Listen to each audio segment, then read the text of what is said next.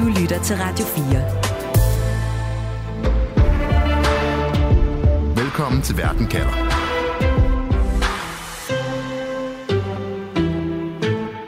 Over 550 dage. Det er så mange dage, at krigen mellem Ukraine og Rusland har været i gang, og det er også så mange dage, at Ukraines tidligere forsvarsminister nåede at være på posten. For efter en opfordring fra præsident Zelensky i går, så meddelte Ukraines forsvarsminister i dag, at han trækker sig. Men med ulmende korruptionssager, med vinterjakker, som viser sig at være sommerjakker, og en ukrainsk modoffensiv mod Rusland, som trækker ud, så virker timingen yderst mærkværdig. Så derfor spørger jeg i dag, skifter Zelensky forsvarsminister for at bekæmpe korruption eller bekæmpe russerne? Jeg hedder Stine Krohmann Dragsted. Velkommen til Verden kalder, programmet, hvor jeg stiller skarpt på et aktuelt spørgsmål om verden, og på en halv time giver dig svar. Du lytter til Radio 4. Og også velkommen til mine to gæster i dag. Stefan Weikart, journalist bosat i Kiev, og Jens Vorning, tidligere dansk generalkonsul i St. Petersborg og udenrigskommentator på Christi Dagblad. Velkommen til begge to. Tak. Tak. Jens, Ukraine skal have ny forsvarsminister, og der er sådan lidt kryptiske overskrifter, vi har fået i løbet af dagen, at forsvarsministeren siger op, at han trækker sig. Lad os lige slå fast, er Ukraines forsvarsminister blevet fyret? Ja, det er han. Hvad er det for et signal Zelensky I sender ved at fyre ham netop nu? Jamen, det er sådan et, en slags tabu, der er ved at blive brudt, og det er, at korruptionen det er et selvstændigt problem for Ukraines krigsførelse, og ikke mindst for opbakningen fra de vestlige lande. At der er korruption i Ukraine, det er derfor, at forsvarsministeren først og fremmest bliver fyret? Ja, altså, øh, Zelensky, han forsøgte for en god tid siden at sige, at øh, korruption, det skal, det skal være at ligne med, med højforræderi og give 15 års øh, fængsel, så længe man er i krig. Men det betyder også, at antikorruptionsmyndighederne kan risikere at få taget deres sager, og så ryger det over til efterretningstjenesten, som er direkte under præsidentens Zelenskis kontrol. Og der begynder ukrainerne selv, altså befolkningen, at lugte lunden. Er der et eller andet galt her? Og det har der så været modstand imod, og det er så trukket tilbage. Men en konkret sag omkring Resnikov, forsvarsministeren, gør, at der er så meget pres internt fra befolkningen, men også eksternt fra særligt USA, der havde deres nationale sikkerhedsrådgiver i Kiev i, i fredags, ikke for at tale med forsvarsministeriet om krigen, men med antikorruptionsmyndighederne om kampen mod korruption. Så det sender et signal, at øh, den amerikanske nationale sikkerhedsrådgiver kommer til byen, og så taler han med antikorruptionsenheden først og fremmest, og ikke forsvarsministeren. Stefan Weikart, du er med fra Kiev, du følger reaktionerne der. Her i Danmark, der kender vi alle sammen Zelensky, han har lige været på besøg, han er Ukraines præsident. Jeg tror ikke, der er så mange, der kender navnet på Ukraines forsvarsminister. Hvor kendt er han i Ukraine? Jo, altså han er en minister, som folk øh, selvfølgelig lægger mærke til, også fordi han er forsvarsministeren. Og når der er, selvfølgelig er krig i landet, så er det selvfølgelig tit at ofte, at øh, forsvarsministeren er på tv og så videre. Så det er en person, de kender. Så han er sådan ikke den mest kendte person, fordi der er selvfølgelig langt flere, der kender øh, præsident Zelensky. Og når det også handler om øh, om krigen, øhm, øh, spørgsmål omkring krigen, jamen, så er der også øh, mere opmærksomhed på øh, Ukraines øh, chefgeneral øh, Shalushny, som jo styrer øh, slagets gang ud på slagmarken. Så han er en, man trods alt kender til, hvis man er, er ukrainer, selvom vi måske ikke lige kender hans navn, som altså er Oleksiy Resnikov. Jens, du kalder ham, altså Resnikov, den nu fyrede forsvarsminister, for chefarkitekten bag, at Ukraine nu får F-16-fly, jo blandt andet fra Danmark. Det lyder da som en rimelig succesfuld forsvarsminister. Hvorfor fyre manden, der har sikret sig afgørende vestlige våben til slagmarken? Jamen, der er nødt til at komme et offer lige nu, fordi den her korruptionssag og de tidligere begynder at komme tæt på præsidentadministrationen. Og, og det vi kender til det fra dansk side, uden at have været i agtindsigt af den slags, det er, at Lesnikov har spillet en, en stor rolle i at lobby for at få de her F-16-fly fra Danmark øh, og, og Holland. Og det har USA også. De har bedt os to, de mindre lande, om at være de første, stille os forrest i køen, så det ikke er USA, der stiller sig direkte over for, for, for Rusland. Så man kan sige, på den diplomatiske bane øh, i forhold til Europa, der, der har han spillet en, en betydningsfuld rolle. Forsvarsministeren, som nu er fyret, Resnikov, han bliver altså beskrevet som afmålt og vældigt i Vesten. Han er blevet set som en stærk ambassadør for Ukraine, netop når man har skulle forhandle om, om våben, om F-16-fly, om NATO-medlemskab. Nu har Zelensky så fyret ham. Stefan, Hvad ved vi om den mand, der skal overtage roret i Forsvarsministeriet, som Zelensky altså har peget på i den video, han ligesom har offentliggjort? Umerov hedder han. Hvad ved vi om ham? Jamen, vi ved, at han kommer uh, som, som chef for uh, den der State Property Fund, som egentlig er, at man bare tager Ukraines uh, ejendom. Um, og så har han uh, haft en rolle, altså de her, hvad man kan sige, forhandlinger, der er løbende er med, med Rusland, specielt omkring de her fangeudvekslinger, hvor han har været med til at forhandle en fangeudveksling med Rusland på plads. Øh, så ved vi, at han ikke øh, har nogen korruptionsbeskyldninger på sig, øh, hvilket jo selvfølgelig bliver set positivt på i det ukrainske samfund. Og så er han øh, krim-tatar, øh, og det er, at han er tatar for Krimhaløen. Og hvis man ikke lige er opdateret på det, jamen, så er det, at han er, hvad kan man sige, at hans, øh, hans familie, øh, som var tatar for Krim øh, efter 2. verdenskrig, blev øh, fjernet, fra, eller blev fjernet derfra af Sovjetunionen.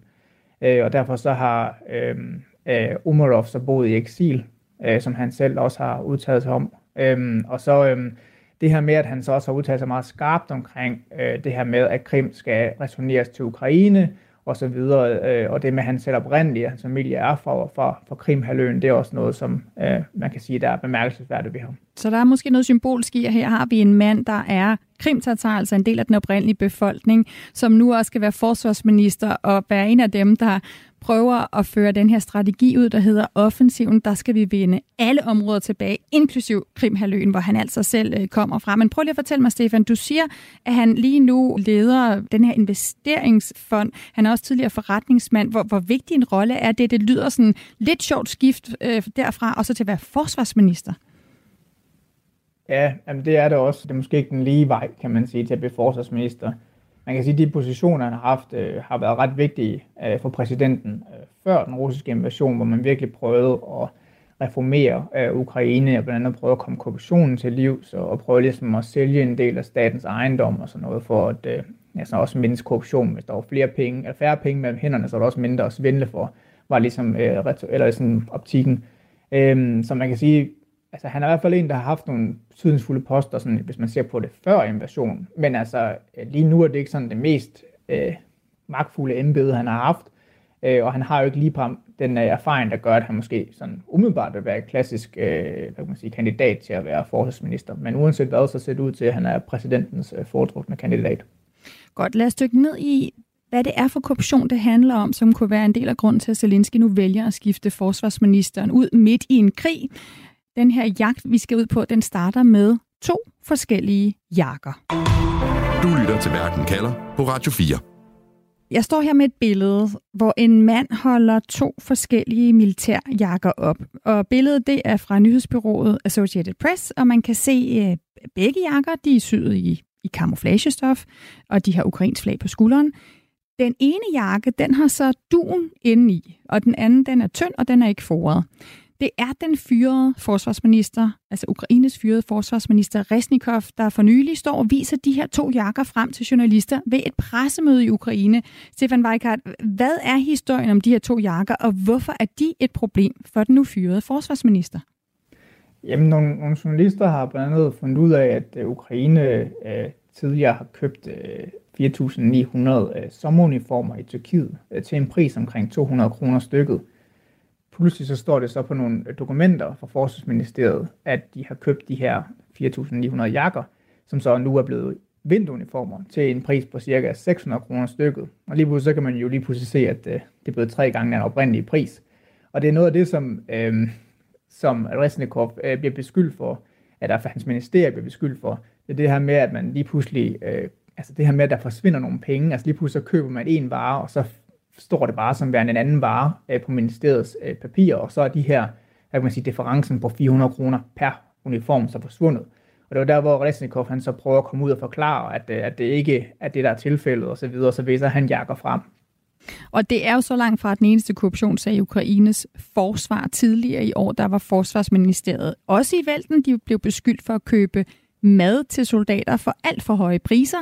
Og det her med at tage brød ud af munden på soldater, der sætter livet på spil, det tænker jeg ikke er populær. Men, men Stefan, har der været altså en synlig reaktion indrigspolitisk i Ukraine? Er der, er der en utilfredshed eller en direkte frede vendt mod forsvaret og den her korruption i ministeriet? Ja, det synes jeg, der er. Altså, når jeg er ude ved, man kan bare sige, når jeg er ude ved, ved fronten og snakker med de ukrainske soldater øh, tæt på, på fronten eller i skyttegravene, altså, så, så er det noget, som de, øh, altså, det er noget, de, de snakker om. Altså, det her med, at, at, at de har måske ikke særlig god mad, øh, deres uniformer måske ikke altid øh, skide gode, og også det her med, at de offrer deres liv for, for landet, og så er der åbenbart nogen, der sidder og, og, og stjæler fra kassen øh, inde i sikre Kiev.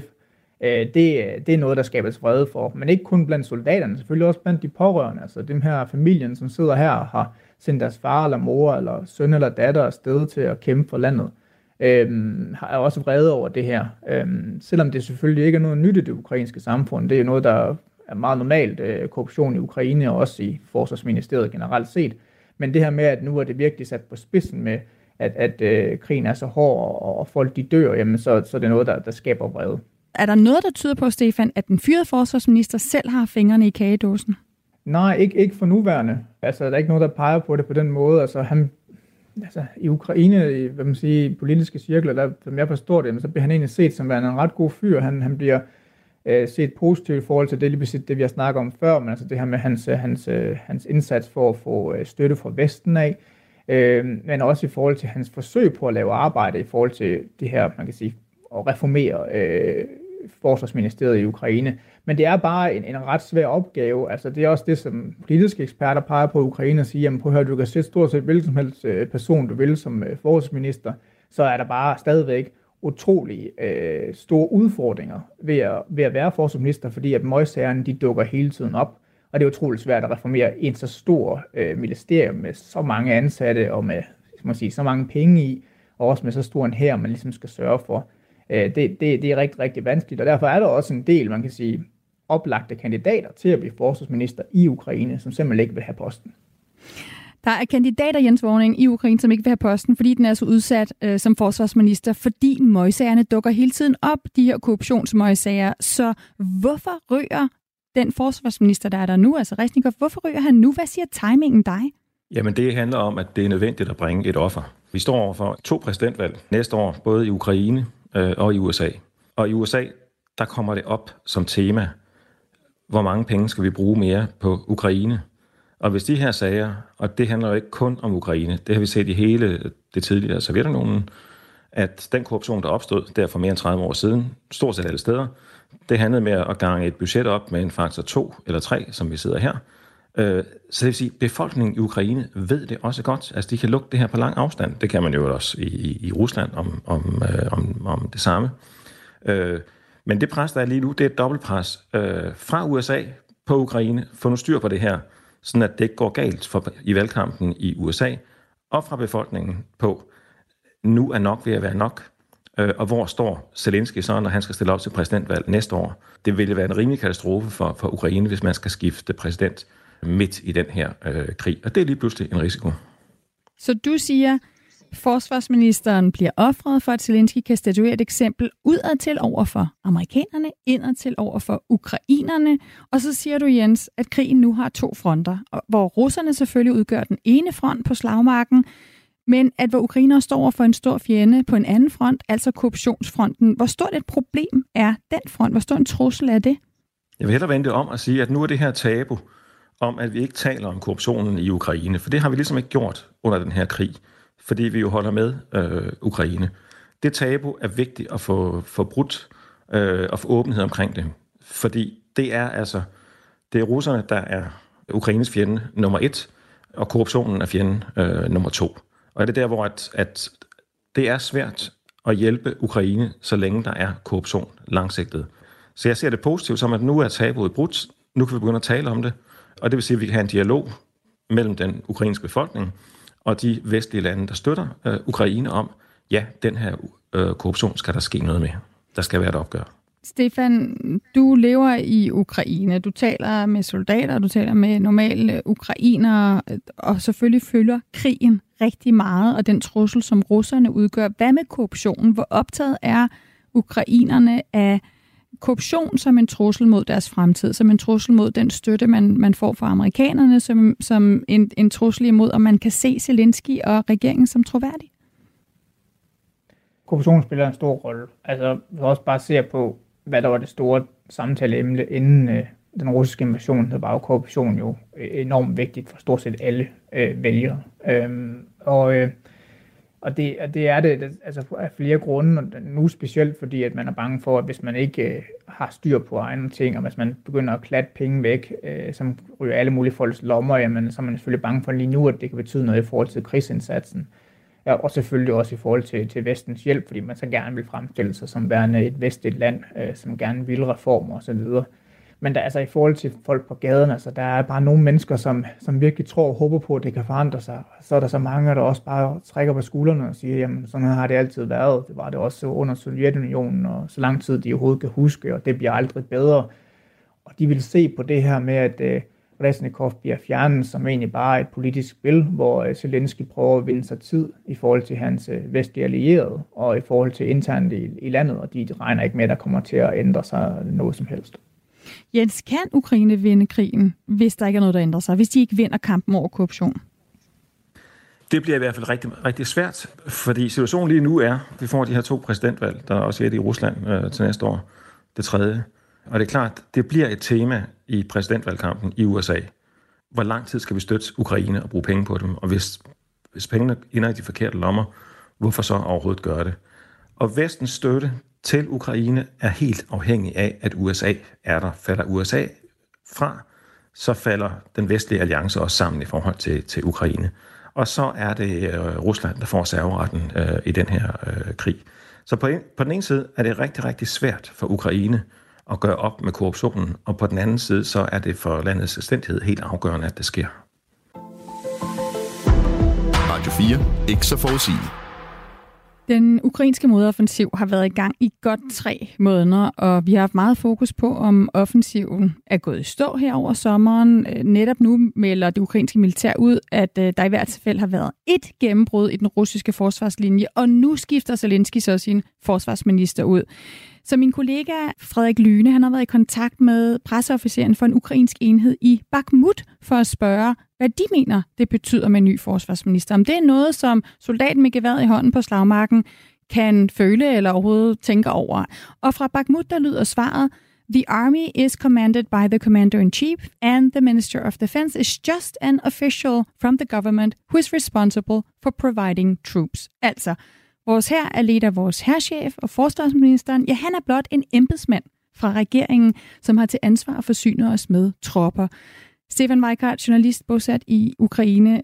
Herrchefen og Zelensky styrer slagets gang, den militære strategi. Og er det så sådan, at forsvarsministerens vigtigste rolle, når det gælder offensiven, det er at forsyne hæren med tropper? Øh, ja, til dels. Øh, og så er der selvfølgelig også flere ting i det, der er også med sådan indkøb, for eksempel af uniformer, som vi lige har snakket om før, altså større for, at forsyningerne til hæren er på plads.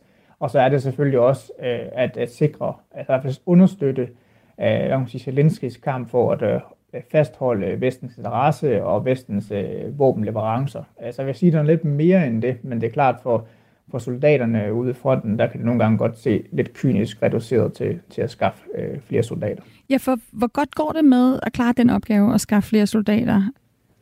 Jamen, det er egentlig gået, øh, det er egentlig gået okay i forhold til, at man har været i stand til at, at skaffe de soldater, som Ukraine indtil videre har brug for. Men altså, Ukraine har jo løbende tabstal, og derfor har de jo behov for soldater hele tiden.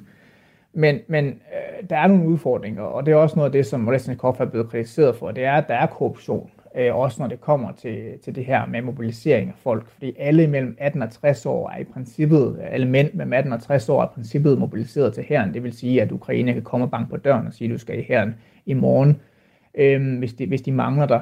Øh, men, øh, men der har været mange tilfælde, hvor at øh, folk har købt en lægeerklæring fra en læge, som har stoppet nogle penge i lommen, og så skrevet under på, at øh, man er syg, for syg til at komme i hæren, eller eller alle mulige andre, andre ting, eller man skal tage vare på sin gamle bedstemor, eller et eller andet for at have en undskyldning for at ikke komme i hæren. Og det er også noget af det, som, som Resnikov blev beskyldt for, det der skaber vrede blandt andet blandt en del soldater og deres pårørende, er det her med, at der ligesom har været en mulighed for at snyde, hvis man har haft dybe nok lommer. Og det er noget af det, som, som Zelensky også rigtig meget gerne vil gøre op ved, og også det, han har, han har snakket om i, i en nylig tale, øh, og, og noget af det, som man kan, måske kan forvente, der bliver gjort noget ved nu, når der kommer en ny forsvarsminister. Lad os lige høre, hvad det var, Zelensky selv gav som grund til, at der nu skal en ny forsvarsminister i Ukraine. Цього тижня парламенту буде запропоновано ухвалити й кадрове рішення. Хочу окреслити der er brug for nye tilgange og interaktioner, både med militæret og med samfundet som helhed. Det er blandt andet den begrundelse, som Zelensky her giver til det ukrainske folk for, at der nu skal blive udnævnt en ny forsvarsminister. Jens Vorning, hvis du skal tolke det, der bliver sagt her, der er brug for nye tilgange og interaktioner, både med militæret og samfundet som helhed. Hvad, hvad betyder det? Det er et spørgsmål om at skabe et, et narrativ, som øh, kan, kan genvinde lidt, lidt, øh, lidt øh, troværdighed. I det. Når du siger narrativ, at, er det så propaganda? Altså, det er jeg tilbøjelig til at sige, ja. Hvad er det, der er vigtigt for Zelensky at lægge vægt på i den, i den propaganda? Jamen, det er jo at, at sørge for, at, at befolkningens tillid til, til ham, hans ledelse, ikke, ikke eroderer på grund af, af, af de her korruptionssager. Hvad sker der, Jens, når man midt i en krig, øh, midt i en offensiv mod invasionsmagten Rusland, hvad sker der, når man rokerer rundt i toppen politisk? Jamen altså, som vi hører fra, fra soldaten der for Bakhmut, øh, så er det, at øh, jamen for os betyder det ikke rigtig noget. Omvendt så kender vi den nu afgående øh, forsvarsminister.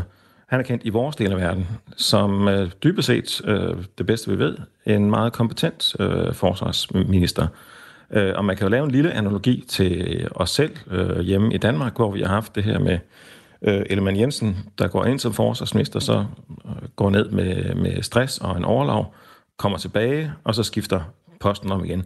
Det skaber jo betalt set, der kan vi jo genkende lidt os, os, os selv i det, det skaber en politisk uro, øh, som i hvert fald ikke, altså, ikke bringer ting fremad, men bringer ting øh, mere øh, tilbage. Mm, så vi risikerer noget, noget politisk uro, siger Jens Vorning her, Stefan Weikart. Udover det, du har beskrevet med den nye forsvarsminister Umerov, forretningsmand, han har forhandlet før med Rusland, han er krimtatar, altså det her med, at han er en del af det oprindelige folk, der i sin tid blev fordrevet fra Krimhaløen, som ukrainerne jo kæmper for at få tilbage. Er det noget, der bliver lagt væk på i Ukraine? Altså kan det øh, også have en symbolsk betydning, at Zelensky peger på ham som ny forsvarsminister, fordi han er krimtatar? Ja, altså det er jo ikke noget, vi ved ikke præcis, om det har været en af grundene til, at Zelensky har peget på ham. Men altså uanset om det er eller ej, så må man jo sige, at i hvert fald i de ukrainske medier, så bliver der lagt vægt på det.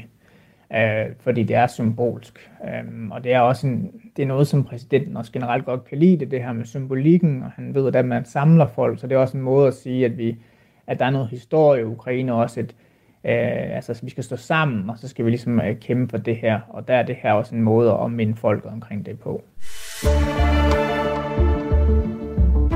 Du lytter til Verden kalder på Radio 4. Og du lytter til Verden kalder, hvor jeg i dag stiller spørgsmålet, skifter Zelensky forsvarsminister for at bekæmpe korruption eller for at bekæmpe russerne? Jens Vorning, hvad er din konklusion på det spørgsmål? Jamen det er, det her det er et nødvendigt offer for Zelensky at gøre lige nu, i kraft af det dobbeltpres, han er i fra den ukrainske befolkning, hvor han skal fastholde støtten til, at øh, vi, vi fører en, en, en krig, som vi vi øh, kan vinde, og i forhold til opbakningen fra Vesten, hvor USA er langt den vigtigste for USA. Stefan Weikart, et dobbeltpres, en, en krig, der blev ført på to fronter. Altså skifter Zelensky forsvarsminister for at bekæmpe korruption eller for at bekæmpe russerne. Hvad er din konklusion? Jeg vil sige, at det er begge, fordi de er så forbundet, som vi også har snakket om. Altså det her med, at, øh, at, at øh, du skal ligesom komme Øhm, blandt andet kom korruptionen til livs for ligesom at føle, at der er noget for den ukrainske befolkning at kæmpe for. At, hvorfor skal jeg, man kan sige, hvorfor skal jeg kæmpe øh, for Ukraine, hvis andre øh, stopper loven med guld, mens jeg er ude, øh, ude ved fronten. Så de er ligesom forbundet, øh, og det ved den ukrainske præsident selvfølgelig godt.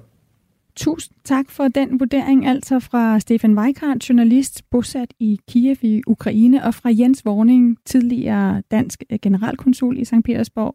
Denne verden kalder blev lavet af Frederik Lyne og mig, Stine Krohmann Dragsted. Vores redaktør hedder Camilla Høj Eggers.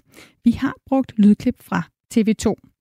Og husk, at uanset hvad der sker, så kan du få svar på et afgørende spørgsmål lige her i Verden kalder med mig, Stine Krohmann Dragsted. Det er mandag og torsdag, jeg sender live. Du kan altid finde Verden kalder som podcast.